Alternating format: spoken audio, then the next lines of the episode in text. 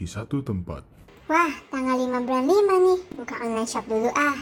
Siapa tahu ada yang bisa dibeli. Jam tangan boleh nih. Tapi aku kan udah punya. Tapi ini lagi murah.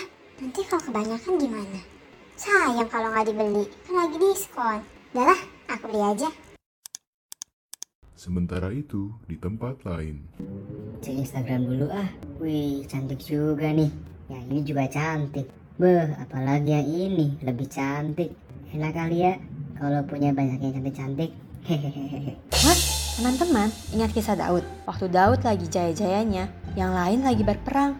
Dia malah bangun siang, udah gitu naik ke atas sotoh dan lihat perempuan lagi mandi. Hmm, dari situ tuh timbul keinginan jahat dalam hati Daud. Dia ingin memiliki istri Uria. Akhirnya dia taruh tuh Uria di barisan paling depan.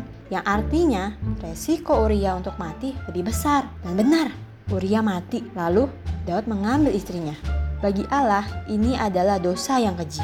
Tahu nggak guys, kenapa Daud bisa begitu? Karena dia lengah. Dia nggak pakai waktunya dengan bijak. Dia terlalu santai, nggak ikut berperang bersama yang lain. Nah, ini harus jadi warning bagi kita semua. Pas punya waktu luang, mata kita bukan untuk lihat apa yang memuaskan atau kesukaan kita, tapi pakai mata kita untuk melihat firman-Nya di dalam Alkitab dan melihat orang-orang yang perlu dibantu. Dalam Lukas pasal 11 ayat 34 dikatakan, "Matamu adalah pelita tubuhmu.